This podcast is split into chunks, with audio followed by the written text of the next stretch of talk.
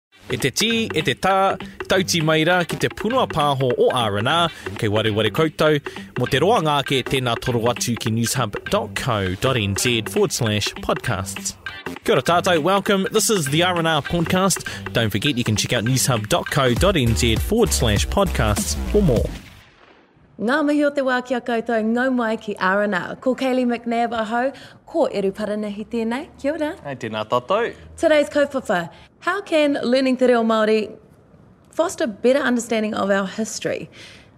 Well, Eru, toku reo, toku ohoho. Right. Ae. Toku reo, toku mātahi mauria. Ah, ka pai, Kaylee, rawe. My language is my awakening and my language is the window to my soul. Such a beautiful taonga. He taonga te reo. Now, speaking of taonga, ah, ko tā tātou nei manuhiri i tēnei rā, ah, ko Anton Matthews nō Fush, Fush Entrepreneur, but also using that avenue to teach te reo Māori. Tēnā koe, Anton. Tēnā koe, tēnā kōrua, kia ora. Ka mutu ko tā tātou nei manuhiri tuarua, a Second Language Learner for Te Reo Māori, a Te Karere Scarborough. Tēnā koe e te rangatira. Tēnā koe e te parata. Mō tātou mā, kia kotahi atu rā ki te kaupapa, I guess, looking at Te Reo Māori, how do you guys believe that it best fosters our understanding of our history? I'll start off with you, ki a koe e te rangatira.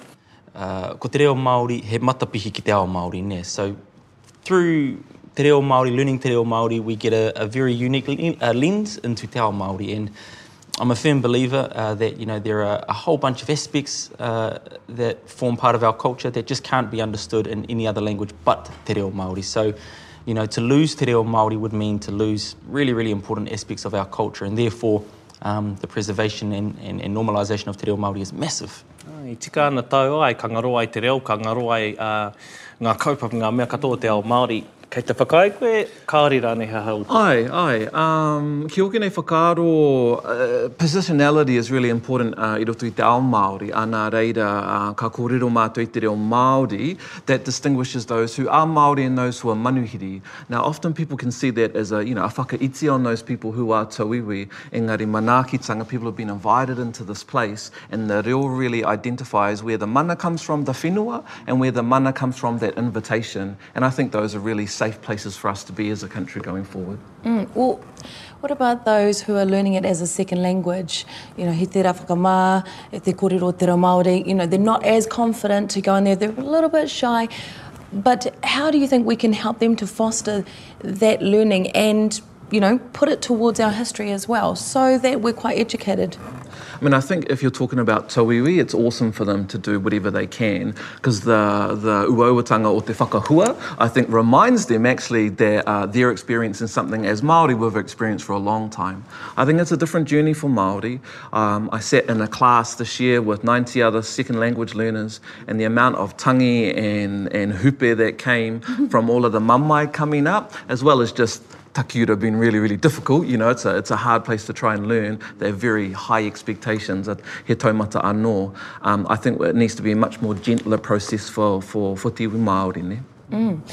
Uh, Anton, uh, you actually take um, some Te Reo Māori workshops, and this started off inside your restaurant, at Fish. Mm-hmm. Uh, what was your response, and what, what was the feelings that were going on with some of the people who were coming in to learn? Yeah, well, you're right. It did start off in the Wharekai, uh, but it didn't stay there for very long, mm-hmm. Uh, and we had to move. We had to find bigger venues because the demand was so massive. Uh, people from all walks of life, Ā, Māori mai, Pākehā mai, rangatahi mai, children, pakeke, kaumātua, you know, people of all ages, really, really interested and keen to learn tā tātou taonga, you know, and our reo, our language. So, the response has been really positive and overwhelming, and to be honest, I'm not shocked anymore, but for a long time there, I was really shocked. Kia hapinai ai? Oh, i ohorere pai ahau i te mea Kāore au i mōhio i he pērā rawa te hiakai me te pīkoko ki tō tātou taonga, ki tō tātou reo rangatira. I really didn't realise and appreciate how enthusiastic, well, our community in particular in Ōtautahi, how enthusiastic the wider community was to learn te reo Māori and it really, I ohorere au, I was shocked, um, in a good way. One of those rare moments that I'm proud to say I got it wrong. Hai, kei te tautoko au i ngā kōrero a Anton. Ko tētahi o ngā um, raru pea, tokonui o ngā tāngata e hia ana ki te ako, engari tokoiti o tātou e taea te whakaako. Kei te whakaae rānei kōrua, he aha rānei? Mm, ai, ai, kei te whakaae au. Um, However, I think for me, um, even though there's a problem to try and meet the demand, uh, the, the uh, demand of ngā tangata katoa, um, just learning te reo Māori nui iho anake without the context and the right teachers, uh, he mea kino tērā ki ahau nei nā te mea, uh, you know, kia mau, kia tāhai e tahi whakaaro Māori without any responsibility to those contexts. Mm. So, the, um, you know, uh, ahakoa there aren't e, uh, enough teachers and we want to meet that demand. Um, it's actually uh, another stopgate so that anyone just can't learn the language and those kaiako can't, just can't be anyone. Kia hoki anō tātou ki te kaupapa me kī, How does te reo Māori foster better understanding of history and one of my nawe, I feel, and one of the biggest issues of 2019, ihu mātao and from my understanding as well, a lot of people didn't quite, kāre rātou tino mārama he aha i whai tikanga ai, he aha i whakahirahira ai, I guess when we look at examples like that, we go into the past like Bastian Takaparawha, Bastian Point, there are There are many other examples that we could rattle off. Do you feel there is some relevancy if you've known um, like te reo and such, then you'd understand the history behind some of those places, a kōrua whakaaro? Ai, kare kore, kare kore, absolutely, no doubt. I mean, hei, hei ko tāku, me pēhea kōrerotia tēnei mea te mōteatea, te haka, uh, te moko, ngā pakiwaitara, you know, all of our oral history, we're, we're, how could you possibly begin to understand or try to describe any of those things in another language but te reo Māori. Nō reira, ko te reo Māori, koia te rauemi hei whakakōrero i ā tātou tikanga me, me ā tātou kōrero o nō mai rā nō. You know, that, that's, that's really the, the vehicle to, to start to explain and understand a lot of our history. And so without that language, um, yeah, you're absolutely right. You, we, can't, we can't possibly begin to understand the significance of some of those events that you've mentioned in the right context. He tika, tino tika tāu e hoa. Tino tika tāu i kī, ko te reo te matapihi ki te ao Māori. So basically what Anton is really saying is the, the language is the window to our world. There's some, uh, another, um, I guess, whakatauki that I quite like too is ko te reo Māori, te mauri o te Māori, which basically says the Māori language is our life force and, and is our everything. I feel like if, well, this is just in my opinion, for many non-Māori, when they don't understand something that's integral to our living, then you know, a lot of everything else that's history and stuff gets lost in all of that, you know. Wheha tātou nei whakaaro, a tātou whakaaro ki tēnā? I tēnei tau i ako au i te taha o tētahi tauiwi, um, and she knows, oh, e ono ngā reo, Um, I, um, it was uh, Mandarin, French, wow. Spanish. Wow. Uh, i haru mai ia ki te aku i te reo Māori, i pātai au ki a ia, uh, he aha te rerekētanga of te reo Māori, what makes it special and unique? And she said, um, ko te mea nui, ko te hononga ki te taiao. And so for her, learning about all the different manu, learning about all the kupu whakarite, all of those things were the way our tupuna described te tae, te taiao, te ao Māori, a nā reira ki a ia ko tērā te tino tohu o te reo Māori. Pai tōna whakaaro ki ahau nei. E ono ōna reo. Ai. That's absolutely amazing and and that journey would have been amazing just to watch and and hear about as well. As a second language learner myself, um, how was that journey for you? Because it was a language that you've actually started studying later on in life. It wasn't a first language for yourself. Yeah. How did that inspire you to really just indulge a little bit more? I mean, I think, you know, te wi Māori, ko tahitanga, that sense of unity um, of the whawhai actually was the main connection point. He aha ngā kaupapa matua that people have fought for, my mother in the Kohanga Reo movement, and those other whānau, you know, was really picking up that baton and going, well, ko tēnei te wā, ka tū au ki te whawhai anō. And so that was a big part of understanding our own history and getting involved in some of our own hapu politics. Why not? Why not? Anton, for me, going into learn Te Reo Māori and, and especially being on the show Arana, you know, learning and this is being part of my journey, uh, just learning about our kaupapa, our tikanga and how things have evolved. Uh, it blows my mind that Māori language here in Aotearoa has only been an official language for just over 30 years. Mm.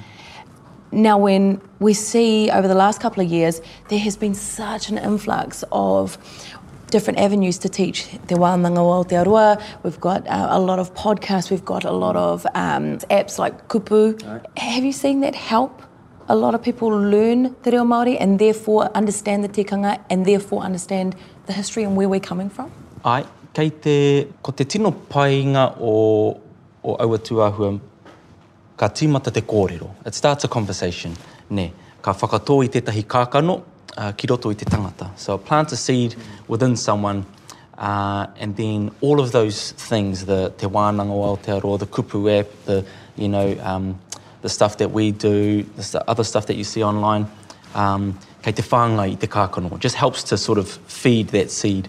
And, um, Often it just, it, you know, it, it starts to build momentum, kātahi ka tupu, ka tupu tērā kākano, and that, that, that desire and that want to learn te reo Māori and just keep going and keep going because it starts to go off in all these beautiful directions like a, like a tree, you know, it, it branches off and you start to explore all of these kokonga o te ao, yeah. all of these corners, and that's the, that's the beauty in learning te reo Māori. And uh, koe ra te tino painga i tēnei wā, he nui ngā ara hei takahi mā te tangata. There are lots and lots of different avenues Um, there's not just one way to learn te reo Māori, and so it's just a matter of trying a whole bunch of different things and finding what suits you, and, uh, mm, and surrounding yourself with, with people who, who get it and who are passionate and want to help you. Ai, Koina te. Ai, ai, he āpiti ki au kōrero, um, i tērā tau ko Mao, ko um, Anton tērā e noho i ki runga i te pae o R&R, um, e kōrero ana mo te reo. Me tāna me ki,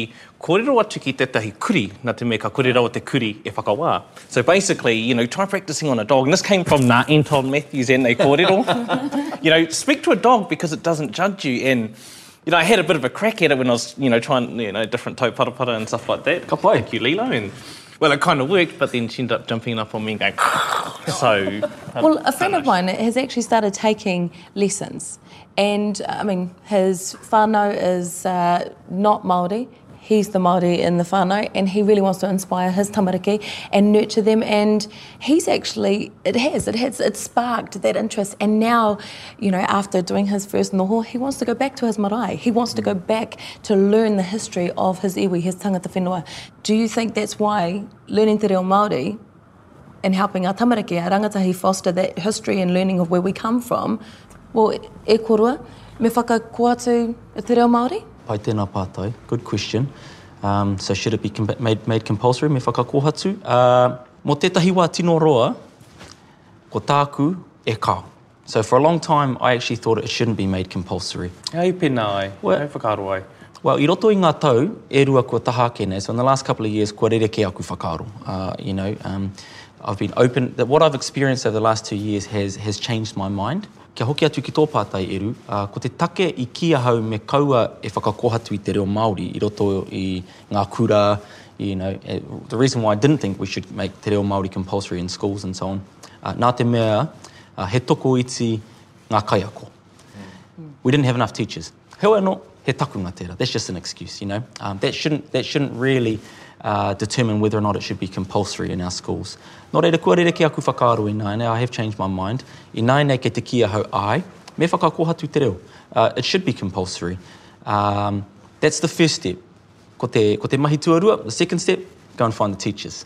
Uh, engari, i mua i tēnā, me whakakoha tu te reo. It absolutely should be compulsory. And the reason I say that is because uh, over the last two years, I have experienced firsthand dozens and dozens of times the vast majority of, of, of people here in Aotearoa,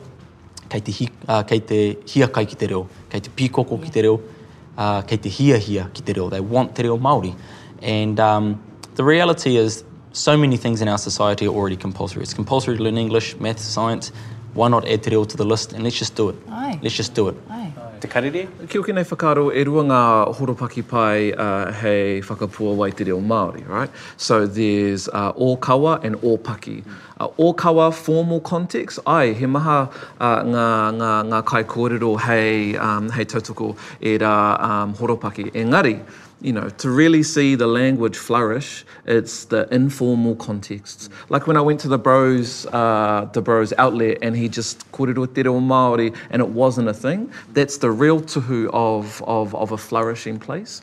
Um, and so I, I think this is achieved um, through breaking through just that informal context and actually trying to get it into the everyday.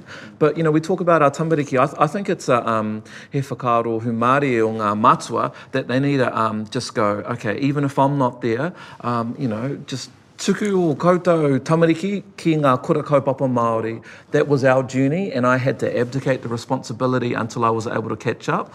But nai nei, uh, e whakaro ana rātou o raua i te reo Māori. He whakaro Māori a raua. And that is something which actually I'm still catching up with. But I shouldn't hold them back just because of my inability to whakawhangai um, raua.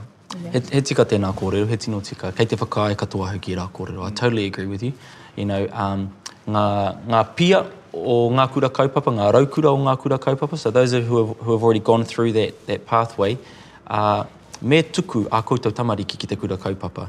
You must recycle, and, and when you have tamariki, send them uh, back to kura kaupapa.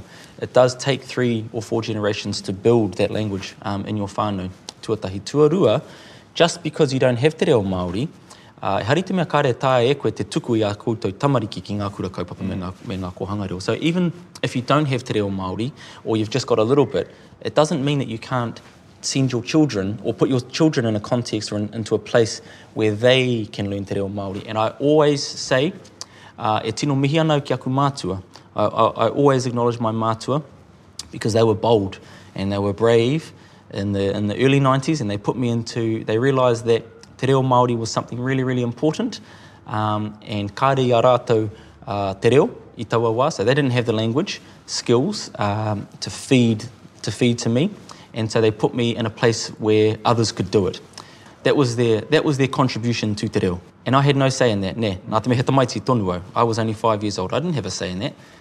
And I'm very, very grateful. That was my privilege growing up. I tukuna uh, ahau e aku mātua ki te kura kaupapa.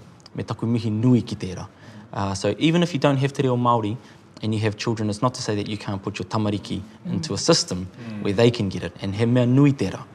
You know, still, i rongo au ki ētahi tangata who will be like, nah, um, you know, mainstream, he paiaki tērā, uh, you know, ara, nā te mea, I want them to be able to stand in that world. I'm like, to me, Waiho tērā whakaaro nā te mea, you know, where has that type of thinking got us in the long run? Tika tae, You know, āe. uh, if you want to stand, or ka tū i tēnei ao, i tērā ao, it's much easier to stand in the Pākehā world after you've been formed i te ao Māori, I think, than it is to go the other way, just because, you know, ngā mea Māori, they're, they're deep on the inside, and trying to break in after the fact is more difficult than having it come out. And I think, you know, ka whakawhitiwhiti te ao, te ao hurihuri, nē? We are changing and the leaders of tomorrow are indigenous leaders and we need to set our, our, our children up to think like that and be like that and claim those positions, so. Te karere kei te hiahia au ki te āpiti ki au kōrero, I want to add something onto that as well. Ko tāu i kī ai, i kōrerotia ai, ki au tamariki, your children. You're recently in an article which basically stated you said to your son, uh, Māori one day are going to take over the world, or that's the whakaaro process that you put into him as well, and that um, Māori who can stand in both Pākehā world and the Māori world are likely to succeed. Can you elaborate and just ke whakapānui ai ngā kōrero? He aha ngā wāriu matua i te ao Māori? You know, taki i te, kaitiaki i te taiao, manaakitanga, you know, collectivism, kotahitanga. What are the things plaguing our world, divisive or our inability to get along, global climate change and our inability to see and love one another in their differences. And so, kia ōku nei whakaaro, ko te whakautu, Ko te rongoa o te ao katoa i roto i ngā whakaaro taketake ki ōku nei whakaaro. You know, I actually think that as global power systems change or need to change, that you go back to those humble people, the the iwi taketake, and you have a look at the way they've engaged the earth and each other for a long time, and there's a lot of answers there around some of our political unrest. A kōrua mā, he pātai, oh, e rua aku pātai, so hei te wā ka whakatuwhera, ka whakakohatu ai te hītori ki ngā kura, tuatahi, he wā tika kia whakakohatu ai te reo Māori hoki, tuarua, me pēhea te whakatika i ngā mamae kua pāmamaitia? Tīmata ai ki a koe te Karere. Ae. Ka whakaae au, nā te mea ko te reo Māori me te history e rua e rua, taua taua ki a mātou, te iwi Māori. And so I think it's a really, really good time to introduce those two things. In terms of the mamae, there's two different types of mamae, eh? I roto i te iwi Māori, how are we going to deal with the mamae? Well, I'll tell you how we deal with it now. Oranga Tamariki does a terrible job of looking after our young people. You know, we're at the head of every statistic. And so anything other than that, which is leaving us, uh, is, is, is a good answer. I think another partai is how do we support um, Tiwi Pake and Tawiwi? Because they'll have an identity crisis. Mm. You know, what happens when we whati totato identity, where we're not just, oh, all blacks, maybe, you know, we've got a bit of agriculture and we all get along. You know, what happens when we actually take off the veil and go, this is who we really are? Um, engari, on the other side of that, um, there's an invitation to, um, you know, uh, rāranga, tutuia i tō tātou, um, stories to one another in a way that's much stronger than I think it is now. You know, drunk students doing a haka in England, for me, is not our national identity. And on the other side of the mamai, for me, which is downward mobility, not just upward mobility for whānau Pākehā, the idea that they might give of themselves so other people might do better. On the other side of that is a nation I think can lead the world again. ki tō pātai tuatahi, ā, pēnā kei te whakakōhatutia te hītori, me whakakōhatu hoki i te reo. So if you're going to do the history, why not do te reo at the same time? Nā te mea ka haere takirua ērā mea e rua, nē. Ā, ko te hītori, ko te whakapapa o te reo Māori, kua tuituia kētia ki roto i te hītori me te whakapapa o tēnei whenua. So the history of te reo Māori and how we've. actually found ourselves in the situation that we're in right now in 2019, 2020, um, is woven through already um, the, the history of our country. Uh, so you can't really learn the history of our country without at least touching on te reo Māori. So we might as well kill two birds with one stone. Absolutely. He oi anō, uh,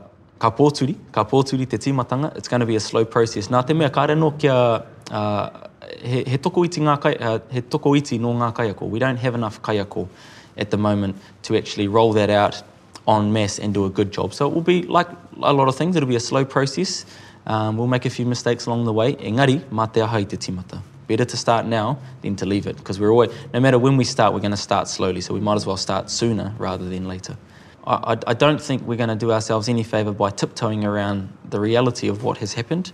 Um, we actually just need to be honest, rip the plaster off, so to speak, and tell it like it is, and then make sure that we're there to have some of those difficult conversations. Aye, engari, he it's going to be hard. Mm. Engari, te mohi o e tātou, you know, like, we're talking about 170, maybe 200 years of unveiling.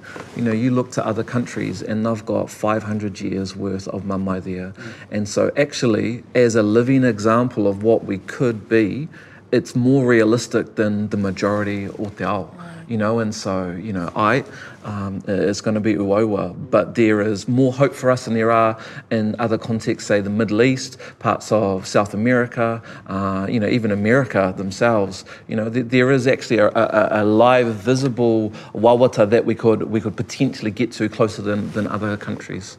O oh, e hoa mā, ka mātua i tēnā, uh, tuatahi rā e tuku atu au ngā mihi kia kōrua, mō kōrua i whakawātia mai, Ki te kōrero, ki te wānanga i ngā kaupapa e whai tikanga ai ki a tātou e Ngāi Māori. Aye, thank you very much Anton and Te Karere for taking your time out of your day to have this conversation. It is a kaupapa that we definitely need to talk about. You know, learning te reo Māori, it can foster and better our understanding on history. Ae ra, e tika ana ra, he aha te kai a te rangatira, he kōrero, he kōrero, he kōrero. He aha te kai o R&R? He muramura, he muramura, he muramura. Mā te wā. Ka kite. You've been listening to the R&R podcast. Go to newshub.co.nz forward slash podcasts to hear more. Kua whakarongo koe ki te punua pāho o R&R? Mō te roanga ake, tēnā toro atu ki newshub.co.nz forward slash podcasts.